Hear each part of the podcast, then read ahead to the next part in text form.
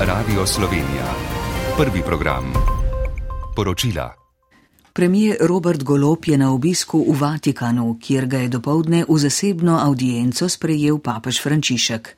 Sledilo je še srečanje z državnim tajnikom svetega sedeža Pietrom Parolinom in načkofom Polom Richardom Geleharjem, tajnikom svetega sedeža za odnose z državami.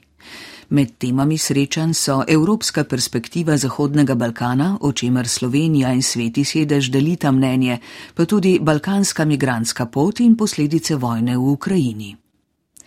Nekaj več kot 50 članov sindikata voznikov avtobusov se je danes zbralo na protestnem shodu pred upravno stavbe družbo Nomago v Ljubljani.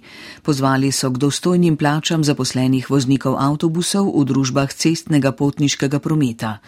Njihova glavna zahteva je zvišanje plač za letno stopnjo inflacije.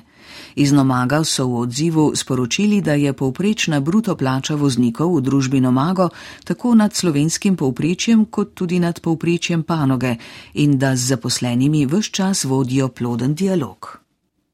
Voditelji Azerbajdžana, Gruzije, Romunije in Mačarske so podpisali sporazum o dobavi zelene energije iz Azerbajdžana v Evropo. Dobavo bo zagotavljal podvodni električni kabel pod Črnim morjem. Romunski predsednik Klaus Johannis je dejal, da gre za odziv na zdajšnji varnostni kontekst, ki zaradi vojne v Ukrajini zahteva neodvisnost od ruskih energentov. Ruski predsednik Vladimir Putin se je včeraj sešel z vojaškim vrhom, ki vodi rusko invazijo v Ukrajini. Govorili so predvsem o morebitnih kratkoročnih in srednjeročnih ukrepih povezanih z invazijo, so danes sporočili iz Kremlja. Putin se je med drugim sešel z ruskim obrambnim ministrom Sergejem Šojgujem in načelnikom generalštaba Valerijem Gerasimovom ter upravil ločene pogovore s poveljniki različnih vojaških redov. Rusija je sicer oktober začela uporabljati taktiko obsežnih letalskih napadov, katerih glavna tarča je energetska infrastruktura. V Tuniziji potekajo parlamentarne, parlamentarne volitve, ki pa jih bojkotirajo skoraj vse politične stranke v državi. Prepričani so, da gre za nadaljevanje državnega udara predsednika Kaisa Saida.